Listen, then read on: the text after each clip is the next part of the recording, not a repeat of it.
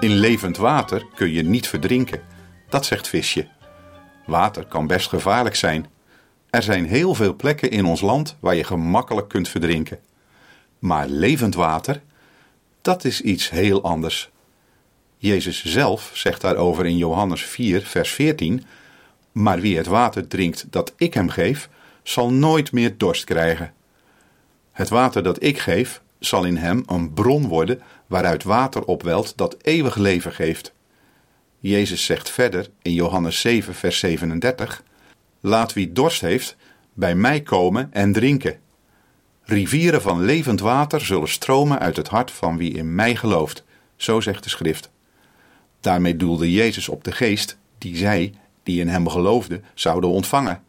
Rivieren van levend water die uit je hart kunnen komen als je in Jezus Christus gelooft. Daar zul je echt niet in verdrinken.